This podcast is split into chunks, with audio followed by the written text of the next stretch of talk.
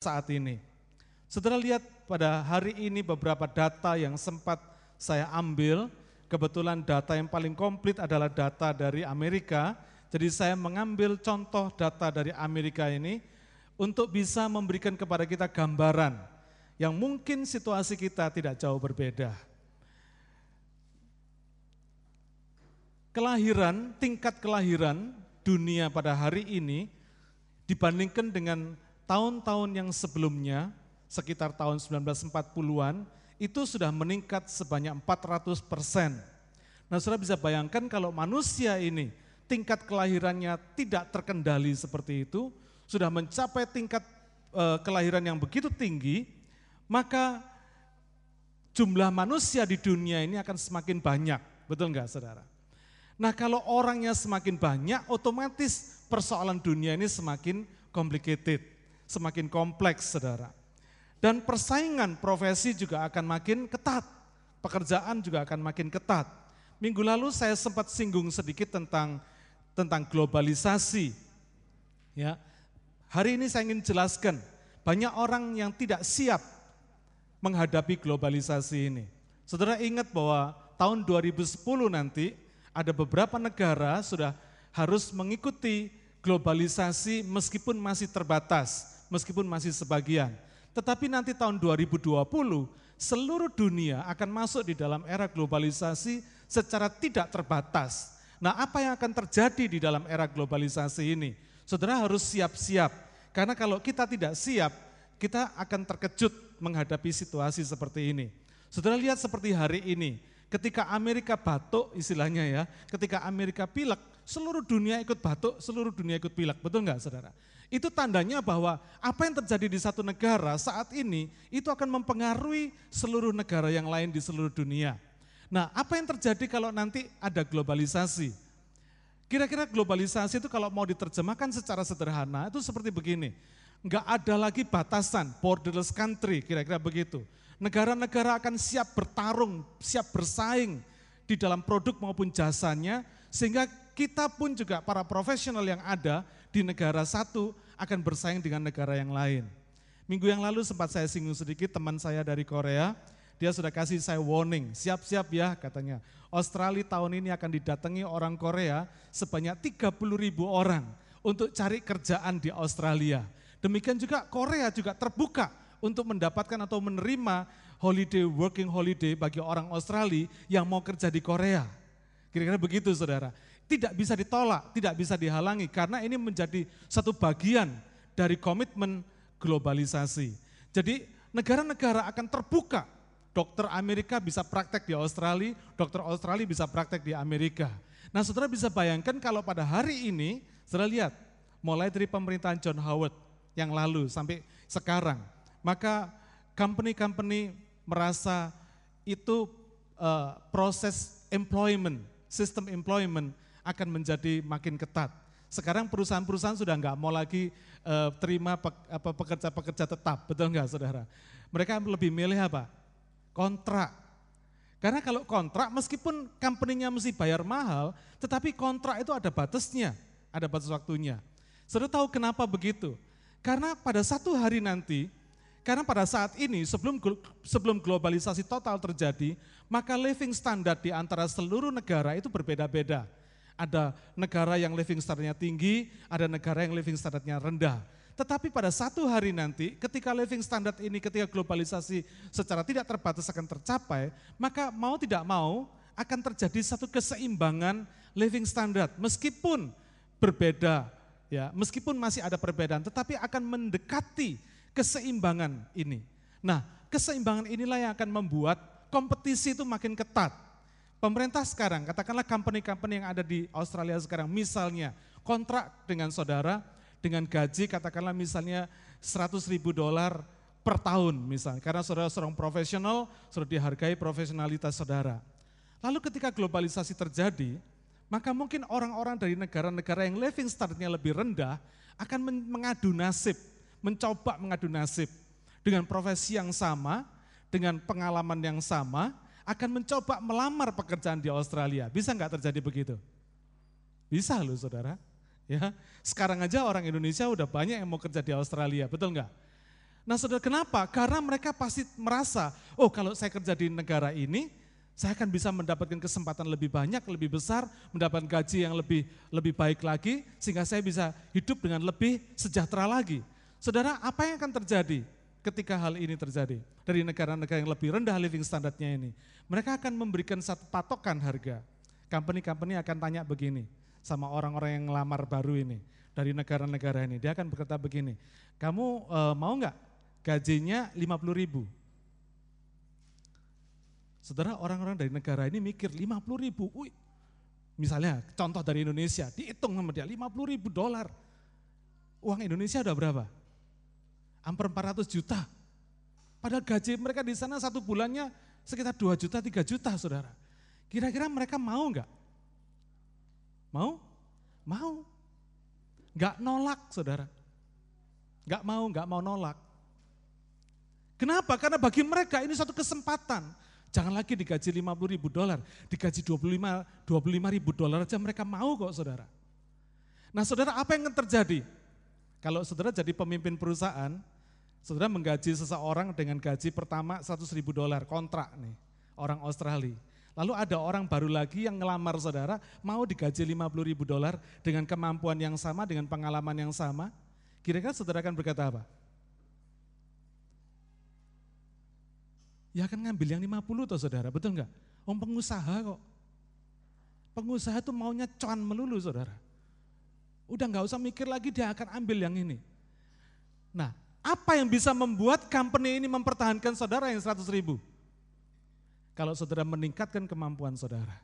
Karena itu saya encourage saudara, para profesional ini, saudara jangan lengah dengan kemampuan saudara pada hari ini. Saudara harus beras, harus berani meningkatkan kemampuan saudara, apa pun profesi saudara, apa pun pekerjaan saudara hari ini, saudara harus memperlengkapi diri dengan kemampuan-kemampuan di luar di luar bidang profesionalitas saudara yang nantinya bisa dilihat oleh company saudara sebagai orang yang multi talented gitu gitu saudara ya, yang bisa semua. Sehingga company saudara kan berpikir, wah daripada gua gaji satu orang atau gaji empat orang, mendingan gaji satu orang. Mahal dikit gak apa-apa. Tapi dihitung kalau dia gaji empat lima orang, lebih murah gaji satu orang. Ngerti saudara ya? Jadi karena itu saudara, saudara harus berusaha dengan sungguh-sungguh. Mumpung masih ada kesempatan, sehingga saudara nggak nggak kedodoran nanti pada ketika waktu itu tiba. Karena nggak lama lagi saudara, nggak lama lagi itu pasti akan tiba. Saudara mau kerja apa saja, saudara mau jual barang, mau jual jasa, mau jual kepintaran saudara, semua itu akan terjadi, persaingan akan semakin ketat. Makanya kenapa saya saya bicara tentang efektivitas, karena pada akhirnya ketika globalisasi itu terjadi, maka persaingan itu bukan lagi pada barang, bukan lagi pada produk, karena sudah berkata, ah produk saya, saya bisa punya produk yang baik, misalnya barang atau jasa yang baik, Saudara jangan berkata begitu karena mungkin ada orang lain yang bisa produksi barang atau jasa lebih baik dari saudara, betul enggak? Mungkin saudara akan berkata, ah saya harga saya uh, kompetitif, bersaing, saya bisa ngasih harga yang murah, produk saya yang murah, jasa saya yang murah. Orang lain juga mungkin bisa lebih murah dari saudara. Mungkin saudara berkata, ah pelayanan saya yang terbaik, orang lain juga bisa memberi pelayanan yang mungkin lebih baik daripada saudara. Dengan kata lain, saudara pada satu saat saudara tidak lagi bisa bersaing terhadap produk, tidak bisa bersaing terhadap harga, tidak bisa bersaing terhadap pelayanan, saudara akan bersaing dengan apa? Efisiensi. Nah efisiensi ini yang mau nggak mau saudara harus siapkan. Sehingga ketika saudara menjadi orang yang efektif, kita nggak bisa efisien kalau kita nggak jadi orang yang efektif.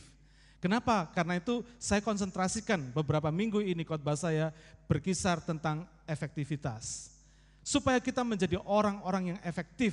Kalau sudah jadi seorang papa mama, jadi papa mama yang efektif. Kalau sudah jadi seorang student, jadi seorang student yang efektif.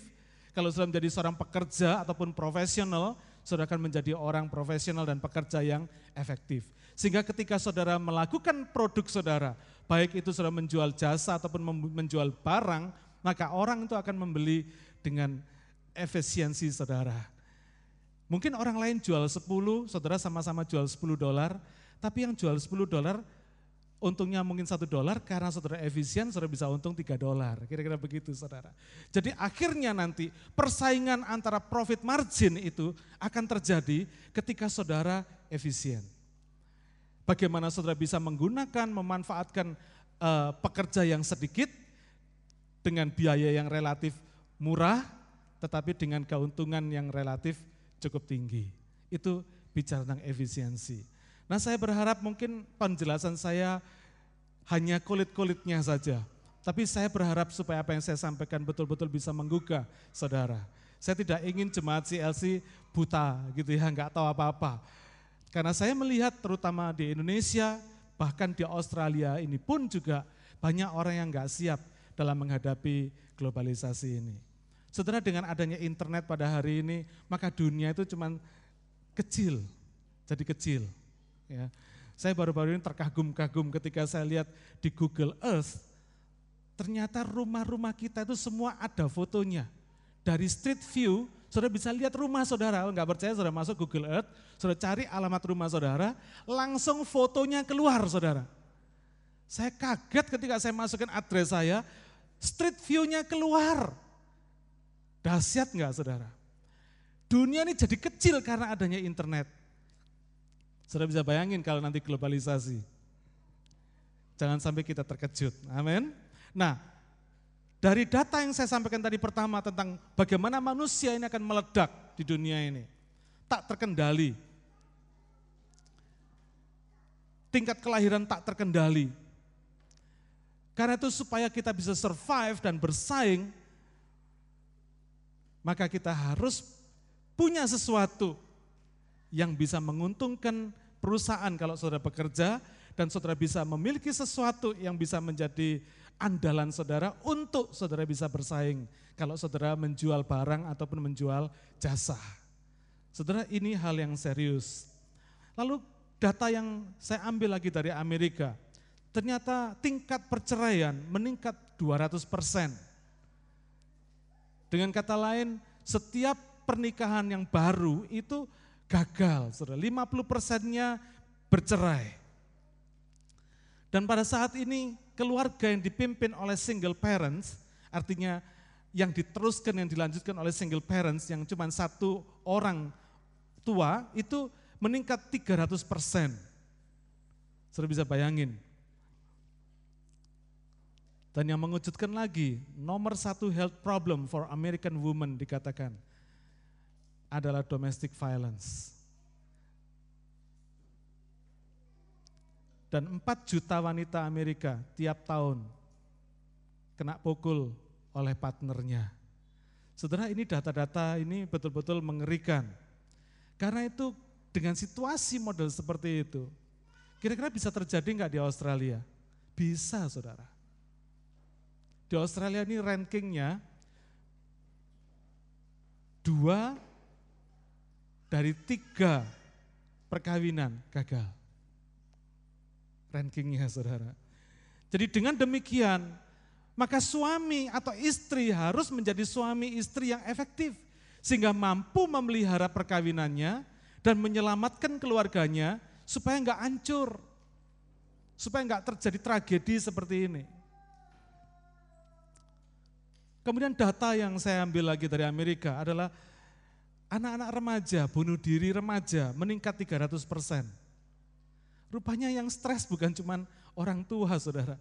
Yang anak-anak sama remaja, yang teenagers ini, teenage, teenage suicide, itu bisa mencapai 300 persen.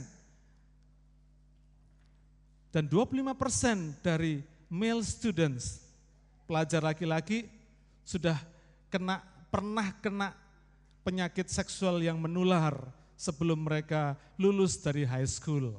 Sudah bisa bayangin ya. Dengan demikian, diperlukan orang tua yang bisa efektif memimpin anaknya dan memberi teladan supaya anaknya terhindar dari hal-hal yang tidak baik seperti itu. Itulah sebabnya kenapa dikatakan bahwa menjadi orang efektif itu sudah bukan lagi pilihan, mau tidak mau, suka atau enggak suka, tetapi sudah menjadi satu keharusan. Kalau sudah jadi orang tua, sudah menjadi satu keharusan, saudara harus menjadi orang tua yang efektif. Kalau sudah menjadi pekerja atau profesional, sudah menjadi satu keharusan, saudara harus jadi pekerja yang efektif. Supaya saudara bisa survive, supaya perusahaan tetap bisa pakai saudara. Dan saya berdoa supaya tidak ada satupun jemaat CLC yang kehilangan pekerjaannya. Tetapi yang semakin membawa berkat bagi perusahaannya. Sehingga di mana pun ada jemaat kita di sana, di situ company itu diberkati oleh Tuhan. Amin. Nah, karena itu untuk jadi orang yang efektif ini, Tuhan Yesus memberikan contoh dan langkah-langkah praktis adanya perubahan di dalam pribadi kita. Saya senang sekali bahwa Alkitab meskipun tidak menulis istilah-istilah modern seperti sekarang, tetapi prinsip-prinsipnya, contoh-contoh yang diberikan ada semua. Mari kita baca kitab Matius pasal 15 ayat 32 dan 33. Hari ini saya akan bicara tentang proaktif. Menjadi orang yang efektif adalah menjadi orang yang proaktif. Apa proaktif itu? Nanti kita akan sampai. Matius 15 ayat 32 dan 33. Kita lihat contoh yang indah sekali dari Tuhan Yesus. Lalu Yesus memanggil murid-muridnya dan berkata, hatiku tergerak oleh belas kasihan kepada orang banyak itu. Sudah tiga hari mereka mengikuti aku dan mereka tidak mempunyai makanan. Aku tidak mau menyuruh mereka pulang dengan lapar, nanti mereka pingsan di jalan. Ayat 33, kata murid-muridnya kepadanya, bagaimana di tempat sunyi ini kita mendapat roti untuk mengenyangkan orang banyak yang begitu besar jumlahnya? Saudara cukup dua ayat ini mewakili. ya Kita sudah tahu cerita akhirnya. Akhirnya Tuhan Yesus memberi makan mereka sampai sisa 12 bakul ya dengan dua roti eh, dengan dua ekor ikan dan lima ketur roti, Tuhan Yesus kasih makan mereka, semua makan sampai kenyang, sampai bisa tersisa 12 bakul. Nah prinsip apa yang terjadi di dalam hal ini? Saudara untuk kita bisa mengerti menjadi orang yang efektif itu adalah adalah orang yang proaktif, maka kita perlu mengerti dulu prinsipnya bagaimana mulai dari orang itu berpikir sampai orang itu melakukan satu respon sampai melakukan satu tindakan. Tolong Charlie diberikan gambar tentang stimulus. Bukan. Ini data saudara. Nah ini, saudara lihat di sini. Stimulus itu satu rangsangan. Jadi kalau saudara melihat sesuatu, mendengar sesuatu itu dikatakan stimulus, merasakan sesuatu ya, itu rangsangan. Sebelum saudara mengambil tindakan, sebelum saudara mengambil respon, melakukan satu tindakan, saudara punya kesempatan untuk freedom to choose, untuk melakukan pilihan. Saudara bisa punya kesempatan buat mikir, buat merasakan, buat mengendapkan rangsangan-rangsangan itu, baru saudara mengambil sebuah tindakan, respon. Ya, ini ini pengertian yang kita harus tahu lebih dulu sehingga kita bisa mengerti. Nah, kita kembali kepada firman Tuhan ini. Ya, kita kembali kepada firman Tuhan ini. Yesus melihat orang banyak yang mengikuti dia selama tiga hari dan mereka tidak punya makanan. Ini apa saudara? Stimulus. Tuhan melihat, Tuhan tahu, Tuhan ngerti. Mereka ini mengikuti Tuhan selama tiga hari dan mereka nggak punya makanan. Tuhan bisa punya pilihan, masuk kepada tahap yang kedua, freedom to choose. Tuhan bisa bebas memilih, mau suruh mereka pulang, enak toh, nuris, nggak ada nggak ada resiko. Tuhan bisa aja berkata sama murid-muridnya, udah ya kamu kalian kasih tahu orang banyak dah, suruh pulang aja dah. Itu Tuhan bisa ngambil pilihan begitu. Tetapi Tuhan nggak ngambil pilihan itu. Tuhan berkata, Alkitab berkata, Yesus mau supaya apa? Mereka tidak pulang dengan lapar. Yesus tidak mau mereka pingsan di jalan karena kelaparan.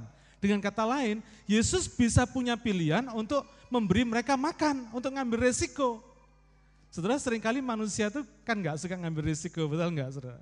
Tapi Yesus mengambil keputusan, memilih keputusan untuk kasih mereka makan.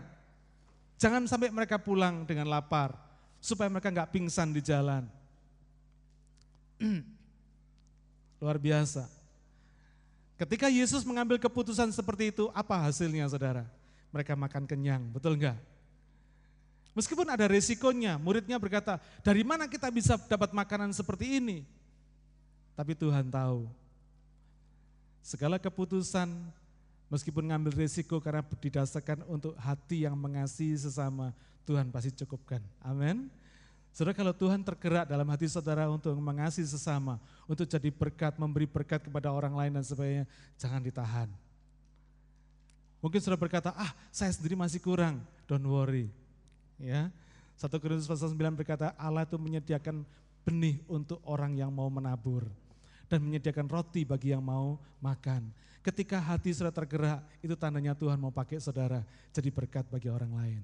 Saudara bisa memilih untuk menahan, tapi saudara bisa memilih juga untuk take race. Nah saudara iman itu bekerja ketika kita berani take race. Ketika kita nggak berani take race, iman itu nggak akan pernah bisa bekerja. Saya ambil contoh begini, Ketika saudara punya uang 500 ribu dolar, saudara bisa beli rumah, saudara nggak perlu sembayang, saudara bisa beli rumah. Kenapa? Nggak perlu take risk. Tapi ketika saudara nggak punya duit, ketika saudara merasa nggak mampu, saudara berani take risk untuk ngambil keputusan atas pimpinan Tuhan untuk beli rumah, saudara perlu iman. Amin. Di situlah iman saudara bekerja. Ketika saudara merasa tidak berdaya, tapi saudara mau ber, melakukan sesuatu karena saudara mentaati Tuhan, di situlah iman kita bekerja. Nah Tuhan Yesus juga begitu ketika Tuhan mengambil keputusan untuk take race, maka hasilnya semua orang makan kenyang, bahkan lebih 12 bakul. Orang-orang itu melihat mujizat Tuhan. Gak ada risiko, gak ada take race, gak pernah bisa lihat mujizat. ya. Tuhan Yesus memberikan kesempatan orang untuk melihat mujizat. Yesus makin dicintai orang, makin dikenal baik, makin banyak orang ikut Tuhan. Saudara luar biasa. Saya percaya setiap keputusan kita sebagai risk taker, kita ambil bersama Tuhan, kita akan melihat perkara-perkara besar. Nah mari kita bandingkan sekarang dengan murid-murid Tuhan Yesus yang melihat orang yang sama, melihat keadaan yang sama, tetapi apa yang menjadi respon mereka? Melihat stimulus yang sama tetapi punya freedom to choose yang berbeda. Mereka berkata apa saudara? Dari mana? Karena apa? Enggak mau resiko saudara. Biasanya manusia tuh sukanya begitu, enggak mau ambil resiko. Maunya gampang melulu, maunya bypass melulu ya. Coba kalau ngikutin orang, kalau dengan kata lain, kalau ngikutin murid-muridnya ini, mungkin muridnya akan berkata apa? Sudahlah Tuhan, suruh mereka pulang aja lah. Kita nggak repot. Daripada nyarikan makan roti segini banyak, bagaimana bisa bikin mereka kenyang? Mereka ribuan orang. Mau cari makan di mana, mau cari roti di mana? Susah kita, kira-kira begitu saudara. Coba, kalau ngikutin murid-muridnya, kalau Tuhan Yesus berkata, oh iya ya, ya sudahlah, oke oke lah, udah lalu suruh mereka pulang lah, sudahlah, oke oke. Kira-kira apa yang terjadi saudara? Mereka pulang dengan lapar, mungkin bisa pingsan di jalan atau mungkin mati kelaparan di jalan. Mereka bisa kecewa, bisa marah, bisa benci, keluar isu-isu negatif, mungkin keluar juga persepsi-persepsi negatif tentang Tuhan Yesus. Saudara, ini memberikan pelajaran buat kita bahwa kualitas pemikiran seseorang ditentukan dengan freedom to choose ini tadi. Saudara bisa memilih dan pilihan saudara akan menentukan kualitas kita. Apakah kita sebagai risk taker atau kita sebagai orang yang tidak mau ambil risiko, maunya aman-aman saja.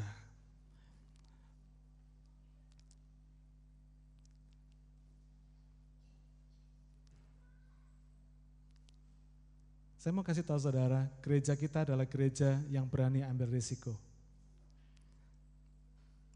Gereja kita berani bayar harga untuk mencapai tujuan menjangkau jiwa.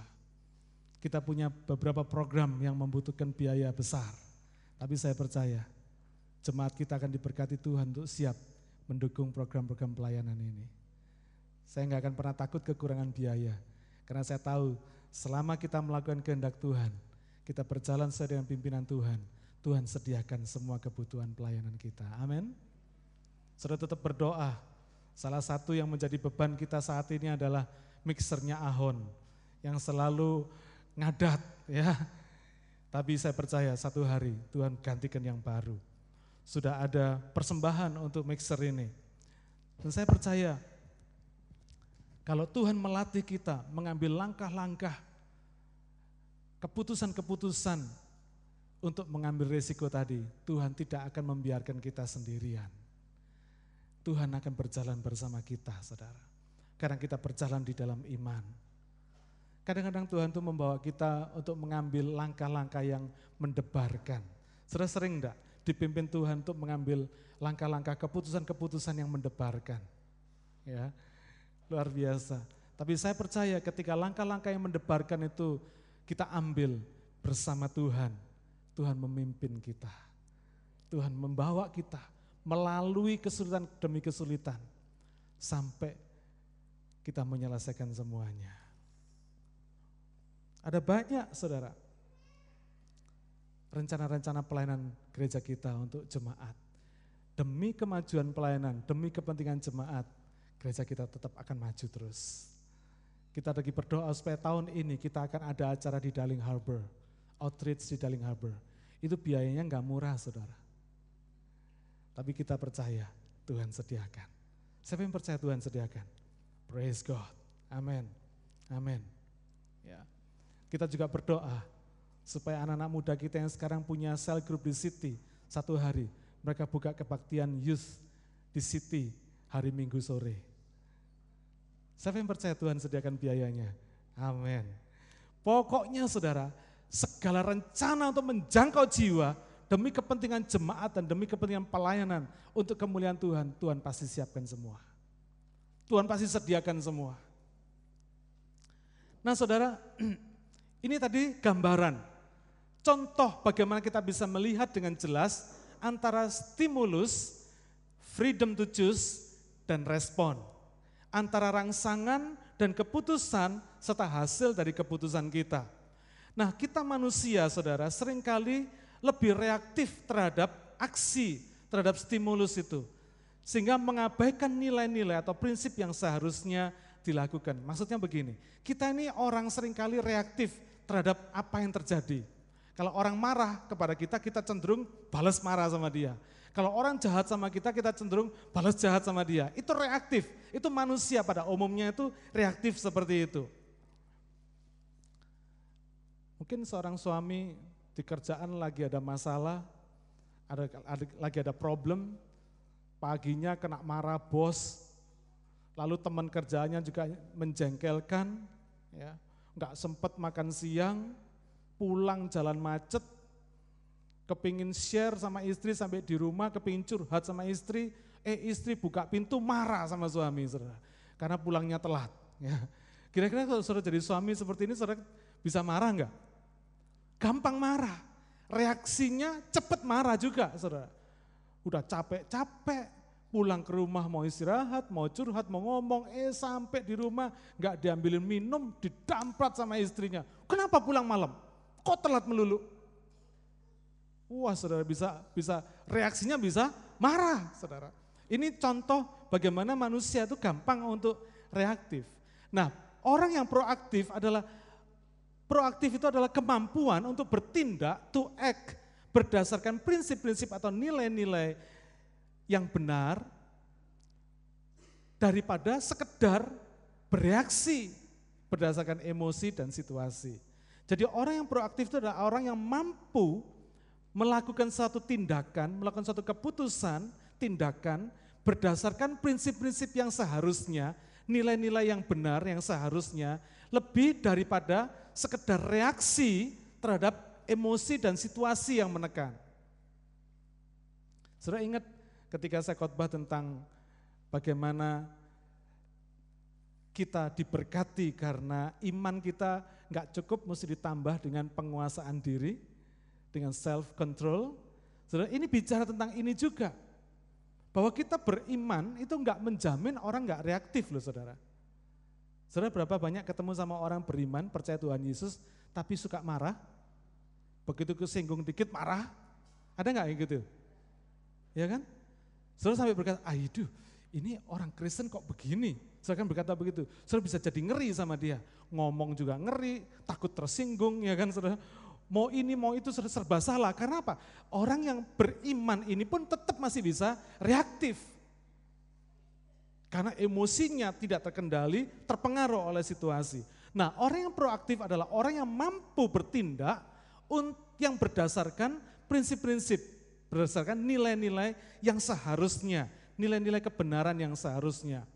Nah, Tuhan memberikan empat hal kepada manusia yang tidak dimiliki oleh binatang, yang memampukan manusia ini untuk bisa proaktif, untuk bisa jadi orang yang efektif karena proaktif ini, saudara. Yang pertama adalah self-awareness. Apa artinya self-awareness? Self-awareness ini membuat manusia bisa melihat, bisa menilai dirinya sendiri, termasuk pikirannya. Ini yang membuat orang bisa berkata, hey, What am I doing? What am I thinking? Apa yang gue lakukan ya? Apa yang saya lagi pikirkan ya? Ini self-awareness. Ini yang membuat orang sadar akan dirinya sendiri. Membuat orang malu, membuat orang menyesal, bahkan membuat orang mengambil keputusan yang lebih baik. Ini self-awareness. Saudara pernah lihat ada sapi yang malu? Dia jalan di jalan-jalan nggak pakai celana, nggak pakai baju, nggak pernah ada sapi yang berkata, eh gua malu deh.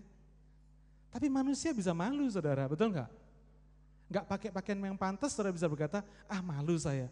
Saudara self awareness ini nggak dimiliki oleh binatang. Ini yang bikin manusia bisa punya rasa malu. Nggak sadar, bisa punya kesadaran diri. Orang mabuk, itu self awarenessnya sementara hilang. Karena itu saudara jangan heran kalau orang mabuk bisa ngoceh nggak karu-karuan. Ketemu orang perempuan bisa ngomong I love you, I love you, I love you. Semua orang ketemu I love you. Karena apa? Mabuk saudara. Karena nggak sadar, self awarenessnya hilang gitu ya. Nggak punya malu.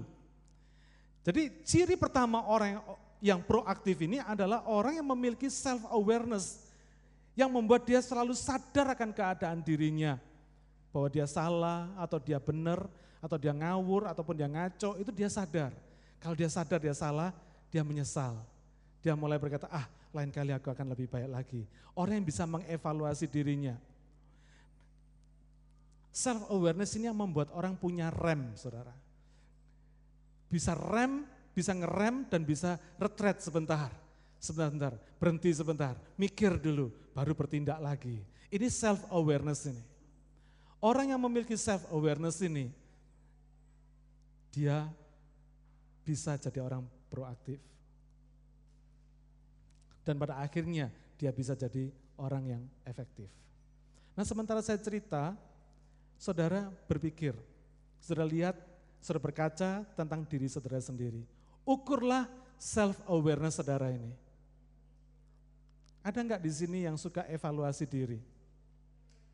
Saya membiasakan diri, mendisiplin diri setiap hari, saya evaluasi diri saya sendiri.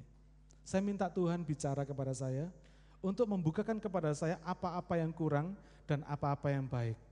Kalau yang kurang saya mau perbaiki, yang baik saya mau tingkatkan. Nah orang yang punya self awareness ini dia pasti punya waktu untuk melihat diri sendiri, mengevaluasi diri. Biasanya waktu yang paling baik adalah ketika kita melakukan saat teduh di hadapan Tuhan. Kita bisa melihat self awareness ini bukan hanya dari kacamata kita sendiri, tapi dari kacamata Tuhan. Dan kadang-kadang Tuhan pakai orang lain untuk memberikan kepada kita self awareness ini. Kadang-kadang orang yang terdekat yang berani mengatakan sesuatu yang kurang baik tentang diri kita, itu adalah orang yang dipakai Tuhan untuk membantu kita memiliki self awareness lebih-lebih lagi.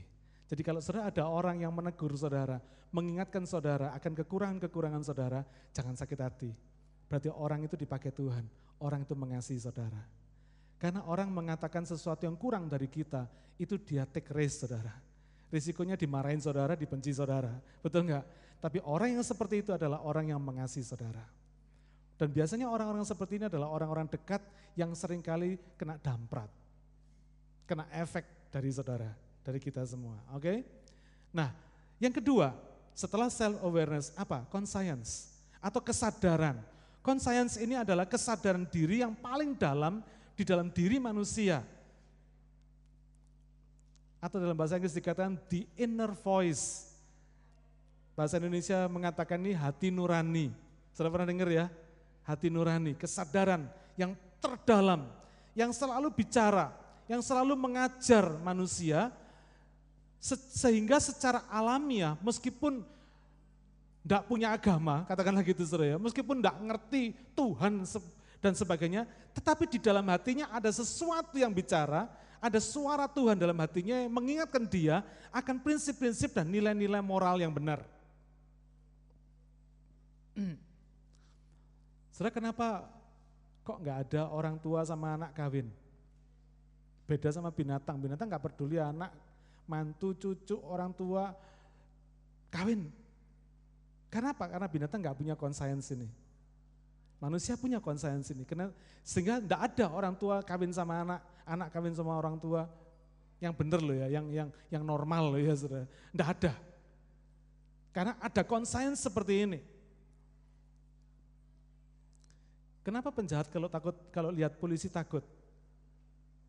Padahal polisinya nggak apa-apa, polisi cuma jalan aja. Penjahatnya bisa takut sendiri, saudara. Bisa kemeter, bisa sembunyi dan sebagainya. Kenapa? Karena ada conscience ini dalam hatinya yang mengatakan dia salah. Makanya waktu ketemu polisi, meskipun polisinya nggak kenal, nggak nggak mau ngapa-ngapain dia, dia takut sendiri, saudara. Nah, conscience ini yang membuat manusia itu sadar akan dirinya. Conscience ini membuat manusia bisa mengevaluasi diri dan bertindak sesuai dengan hati nuraninya. Tetapi kalau conscience ini diabaikan, saudara, kalau hati nurani ini bicara, lalu saudara abaikan, maka lama-lama conscience ini akan mati. Hati nurani ini nggak bicara lagi, bebal. Jadi saudara, orang itu akan berlaku, bertindak salah, ngomong, mikir salah pun nggak ngerti kalau dia salah. Ini yang susah saudara. Saudara ketemu sama orang seperti ini? yang makin lama saya lihat makin worse, nggak merasa salah, meskipun jelas-jelas salah, tapi nggak pernah ngaku salah, karena nggak pernah mengerti bahwa dia salah, karena sering kali conscience ini atau hati nurani ini diabaikan. Nah sebagai orang Kristen mestinya sebagai orang percaya Tuhan, harusnya yang bicara ini bukan cuma conscience kita aja, bukan cuma hati nurani aja, tapi roh kudus juga bicara. Jadi artinya dengan kata lain, orang yang percaya Tuhan itu mestinya punya prinsip-prinsip dan nilai-nilai moral yang lebih tinggi daripada orang yang belum percaya Tuhan. Ini conscience. Jadi jangan heran kalau saudara jadi orang Kristen dituntut lebih daripada orang dunia. Mungkin saudara berkata enak ya jadi orang dunia gitu nggak apa-apa, saya jadi orang Kristen kok nggak boleh. Justru karena ini kita memiliki satu nilai-nilai moral yang lebih tinggi daripada conscience biasa. Yang ketiga, untuk orang bisa proaktif maka dia harus tahu imagination. Manusia punya imagination, imajinasi. Imajinasi ini membuat manusia bisa membayangkan apa yang paling baik, apa yang ingin dilakukan, apa yang ingin dicapai sesuai dengan visi yang dia miliki. Contoh yang paling gampang kita ngerti tentang imajinasi ini waktu saudara pacaran. Waktu saudara pacaran dulu kira-kira apa yang menjadi imajinasi pikiran saudara? Saudara kan berpikir besok kalau saya menikah, saya akan begini, saya akan begitu, saya akan begini, saya akan begitu. Kita akan honeymoon di sini, kita akan membentuk rumah tangga seperti ini. Saudara akan keluar visi yang ideal tentang rumah tangga, meskipun jadinya belum tentu ideal. Tapi Inilah semuanya. Makanya jangan heran kalau orang pacaran tuh selalu ngomongnya muluk-muluk. Ntar darling, kalau kita udah kawin, gua kasih lu rembulan.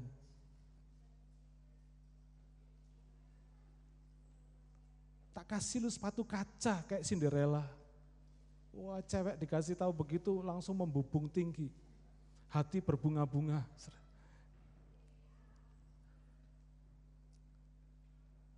Jadi harap dimaklumi kalau orang pacaran, imajinasinya dalam tingkat yang tertinggi, saudara. Berkembang. Tetapi imajinasi ini juga yang membuat manusia mampu mencapai hal-hal yang lebih baik di dalam hidupnya. Orang tanpa visi, tanpa imajinasi ini, orang nggak akan maju, saudara.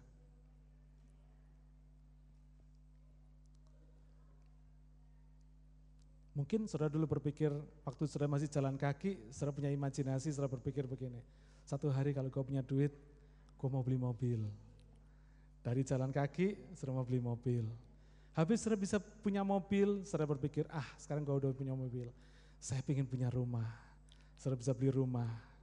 Habis beli mobil, beli rumah, saudara mulai berpikir, ah udah waktunya gua kawin gue harus cari istri, cari suami, kira-kira begitu saudara. Jadi ada, karena imajinasi ini ada sesuatu yang bisa diraih lebih dan lebih lagi. Nah anak Tuhan, apalagi visi kita terbatas, tapi visi Tuhan tidak terbatas. Visi Tuhan justru memimpin kita untuk mencapai hal-hal yang di luar kemampuan batas pikiran dan visi kita. Tuhan sering kali mendorong dan mensupport kita untuk berani mengambil langkah-langkah iman, berani mengambil keputusan-keputusan besar, untuk supaya kita meraih perkara-perkara besar yang sama sekali tidak pernah terbit di dalam pikiran kita. Makanya 1 Korintus 29 berkata apa? Apa yang tidak pernah kelihatan oleh mata, apa yang tidak pernah didengar oleh telinga, apa yang tidak pernah terbit dalam hati manusia, itu semua disediakan oleh Allah bagi orang yang mengasihi dia.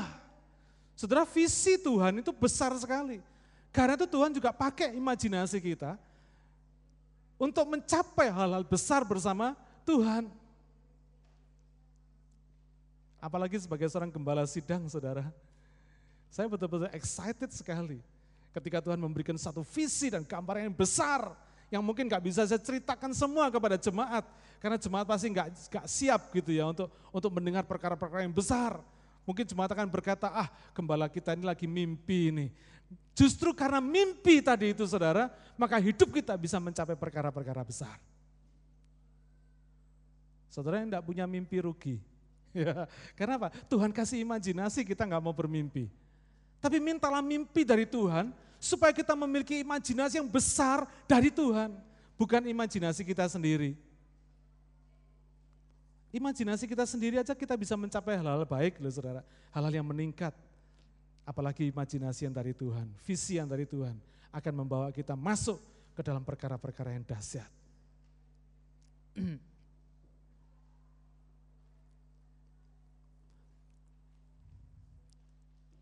yang ke, yang terakhir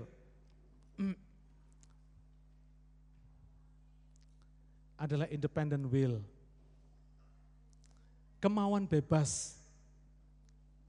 Independent will ini memampukan manusia untuk bertindak sesuai dengan self-awareness tadi, sesuai dengan conscience tadi, sesuai dengan imagination-nya, sesuai dengan imajinasinya. Tetapi independent will ini juga bisa bikin manusia bertindak maju atau bisa juga mundur. Independent will ini bisa membuat manusia keluar atau lepas dari belenggu background masa lalunya atau juga bisa membuat manusia terbelenggu karena dia nggak berani keluar. Saudara pernah dengar comfort zone? Karena nggak pernah berani keluar melangkah dari lingkaran kenyamanan, maka dia akan terbelenggu terus. Mungkin ada orang yang berkata, ah kamu, kamu tahu nggak dulu tuh kamu lahirnya eh, waktu mama tes kan IQ kamu tuh jongkok. Jadi susah kamu pinter, enggak bisa berhasil, kamu kerja apa aja kamu enggak bisa berhasil. Ada loh saudara orang yang begitu. Jadi ini melekat dalam pikiran. Sehingga ketika dia mau maju dia ingat lagi, oh mama saya dulu pernah ngomong, IQ saya jongkok, makanya saya mau kerja apa aja enggak bisa maju, enggak bisa berhasil. Saudara ini yang meskipun dia punya independent will, meskipun dia punya kemampuan untuk bertindak maju, tetapi dia mengambil keputusan untuk stuck, untuk berhenti di tempat, bahkan mungkin terbelenggu dengan masa lalunya. Ada orang yang terus menyesali masa lalunya. Aduh kenapa gue dulu nggak begitu ya. Waktunya gue punya duit, waktunya gue ini enggak, gue nggak investasi sekarang dolar sudah begini-begini. Terus mikirnya tentang masa lalu saudara. Nggak maju-maju karena mau mikirnya terus ke sana. Aduh coba oh dulu ya, aduh coba dulu gua kawin sama si A, aduh nggak sampai kawin sama ini, aduh terus begitu nggak bisa melihat indahnya masa kini karena masih terbelenggu dengan masa yang lalu. Jadi kita mesti berhati-hati dengan independent will ini, dengan kemauan bebas ini. Karena bisa membuat kita melangkah maju, tetapi bisa membuat kita juga melangkah mundur. Tapi puji Tuhan, independent will ini juga yang bisa melepaskan manusia dari background masa lalunya. Ada anak-anak yang backgroundnya dulu mengalami abuse di dalam keluarga. Ada anak-anak yang terus dikatain, abuse moral, abuse mental ada. Ada yang terus dipukulin sama orang tuanya. Ada yang terus dicaci maki, ada yang terus dikutukin. Tetapi independent will ini membuat dia bisa melepaskan diri. Karena Tuhan membebaskan dia. Orang yang percaya pada Tuhan Yesus memiliki kemampuan untuk keluar dari segala kutuk kemiskinan, kutuk kebodohan, dan kutuk nenek moyangnya. Karena itu jangan heran, meskipun anak orang miskin, tapi bisa jadi anak orang kaya. Bisa jadi orang kaya. Kenapa? Karena keluar, dia berani keluar. Dia berani mendobrak batasan-batasan yang sudah digariskan tadi itu saudara. Oleh masa lalu atau oleh orang lain. Meskipun anak orang bodoh, papa mamanya mungkin gak sekolahan. Tapi bukan berarti anaknya bodoh. Dia berhasil maju. Dia berhasil menembus menjadi orang pinter.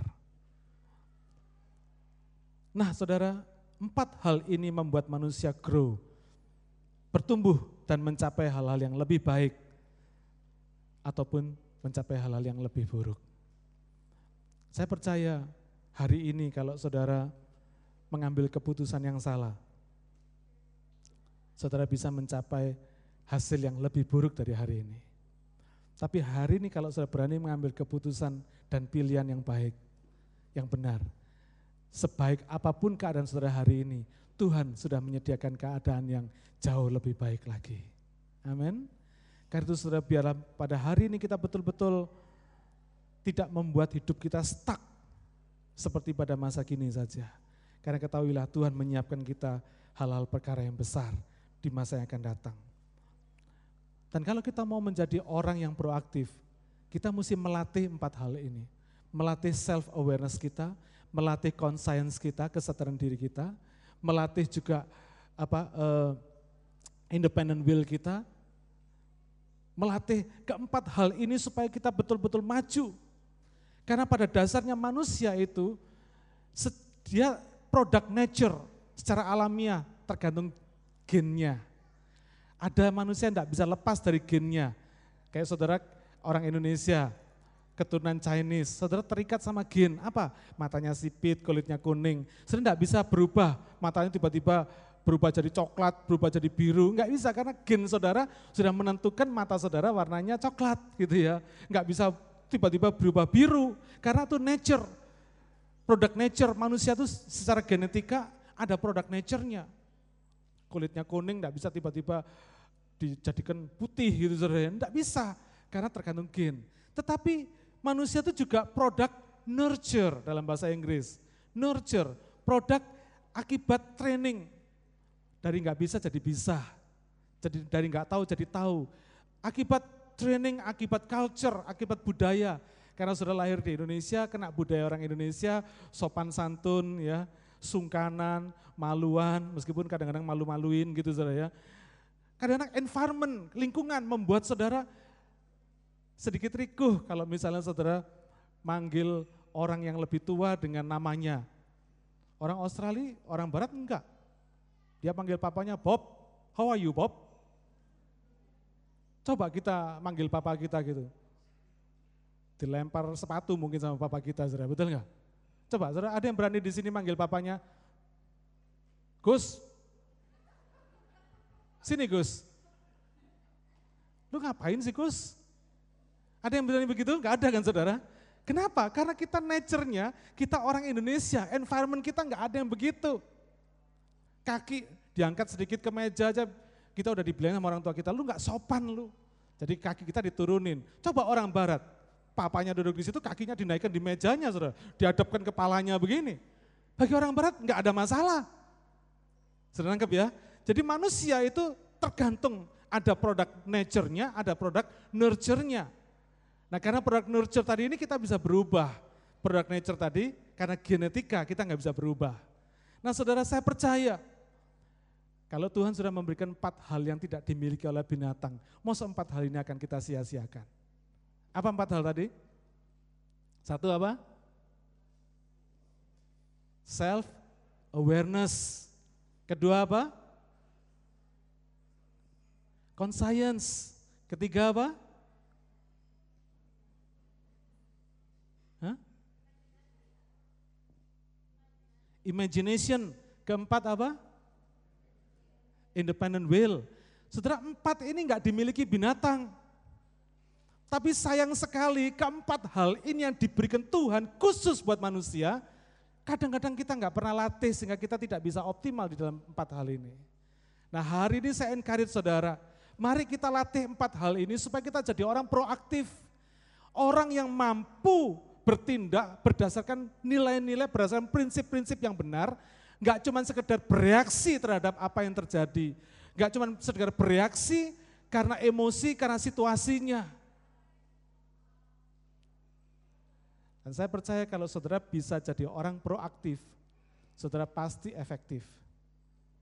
Saudara jadi mama, mama yang efektif. Enggak cuma tapi mampu menjelaskan kepada anak saudara, kenapa mama tidak bisa begitu, kenapa mama tidak boleh, kenapa kamu harus begini, kenapa harus begitu. Seorang ayah, saudara akan jadi ayah yang efektif. Gak cuma bisanya pak mukul, pakai power, tapi saudara bisa mampu menjelaskan kepada anak saudara, mampu memberikan teladan pada anak saudara. Tidak usah pakai perkataan banyak-banyak, tetapi saudara memiliki wibawa, karena saudara berhasil mampu memberikan teladan sehingga anak saudara mengikuti saudara. Tapi hari ini banyak orang tua yang ngikutin anak, saudara. Mestinya anak ngikutin orang tua, tapi banyak orang tua yang ngikutin anak. Jangan ditiru, saudara ya. Kalau saudara profesional, saudara akan mampu jadi orang profesional. Di mana pun saudara berada, saudara tahu bahwa aku di sini ditempatkan Tuhan untuk jadi berkat bagi companyku, bagi perusahaanku. Saudara tahu persis ketika persaingan nanti akan datang, ketika globalisasi di dunia ini terjadi, saudara tidak akan kalah, saudara tidak akan keluar sebagai pecundang, saudara tetap akan menjadi berkat. Saudara akan tetap bisa survive dan saudara unggul di dalam setiap persaingan yang memang dituntut oleh dunia ini. Apa pun profesi saudara, saudara jadi apa pun, saudara harus jadi orang proaktif. Karena efektivitas itu sudah menjadi tuntutan dunia ini. Kalau tidak, kita akan ketinggalan ke belakang. Amin. Saya berdoa, saya berharap supaya apa yang saya sampaikan hari ini, saudara mengerti betul. Sehingga saudara betul-betul jadi orang yang proaktif. Saudara jadi orang yang betul-betul efektif di hadapan manusia dan di tangan Tuhan. Sehingga apa pun yang saudara lakukan, berhasil. Kalau sudah berhasil, sudah nggak cuma berhasil separuh-separuh, tapi betul-betul optimal. Mencapai mengambil berkat yang Tuhan sudah sediakan dalam hidup saudara semaksimal mungkin. Enggak setengah-setengah, karena apa? Saudara berhasil mengelola empat perkara ini yang membuat saudara hidup sebagai orang yang proaktif. Latihlah self-awareness saudara. Latihlah conscience saudara. Latihlah imagination saudara. Latihlah kemauan saudara. Saudara ini nggak gampang. Saya tahu persis apa yang saya katakan hari ini tidak gampang. Tetapi bisa saudara lakukan. Banyak orang tahu tetapi tidak mau melakukan. Nah hari ini saudara saya beritahu kalau belum tahu. Tapi saudara punya kesempatan melakukan. Amin. Mari kita berdoa.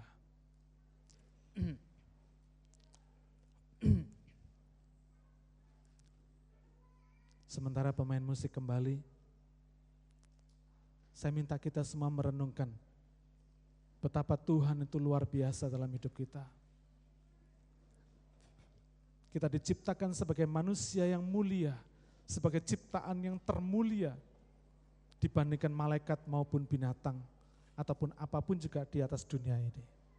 Kita adalah orang-orang ciptaan Tuhan yang bukan sekedar diciptakan oleh firman dengan perkataan mulutnya, tetapi Alkitab mengatakan kita manusia diciptakan, dibentuk dengan tangan Allah sendiri. Ada proses penciptaan, Ada proses pembentukan di dalam hidup manusia. Karena itu Allah memperlengkapi kita dengan empat perkara indah dan ajaib yang tidak dimiliki oleh siapa pun juga, tidak dimiliki oleh binatang, yang hanya dimiliki oleh manusia. Karena itu kita bersyukur untuk self awareness yang Tuhan berikan.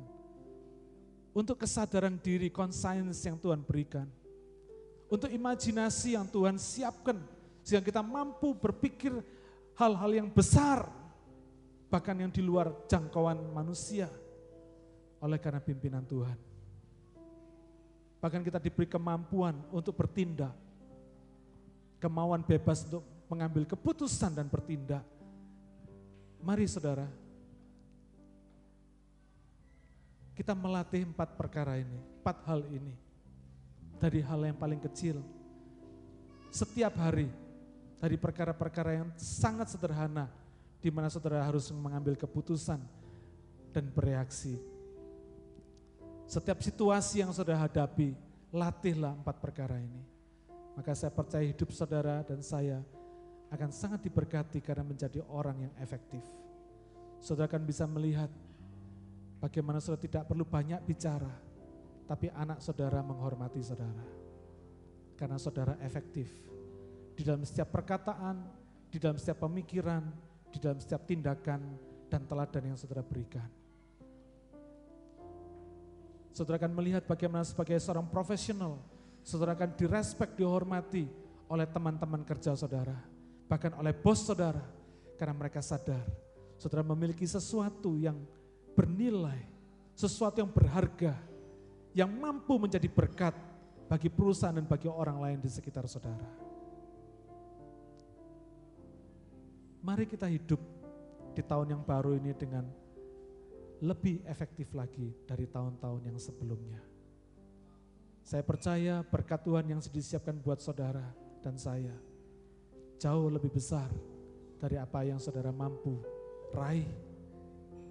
Tapi saya percaya melalui orang yang efektif, menjadi orang yang efektif, saudara akan mampu meraih berkat yang Tuhan sediakan lebih besar lagi. Bapak terima kasih buat pengertian yang kau berikan kepada kami hari ini. Kami percaya ini bukan satu hal yang mudah, tetapi kami percaya bersama Engkau Tuhan, kami mampu melakukannya. Perkara-perkara ajaib terjadi dalam hidup kami, karena Engkau memimpin kami. Terima kasih Bapak, Kau tolong kami, supaya kami boleh menjadi orang yang efektif di dalam hidup ini sehingga kami boleh survive dan bahkan menjadi berkat bagi banyak orang. Terima kasih Bapak, di dalam nama Tuhan Yesus kami sudah berdoa dan mengucap syukur. Meteraikan firman-Mu dalam hati kami semua, supaya kami dapat praktekkan, kami lakukan dalam hidup kami sehari-hari. Terima kasih Bapak, dalam nama Yesus kami berdoa. Amin.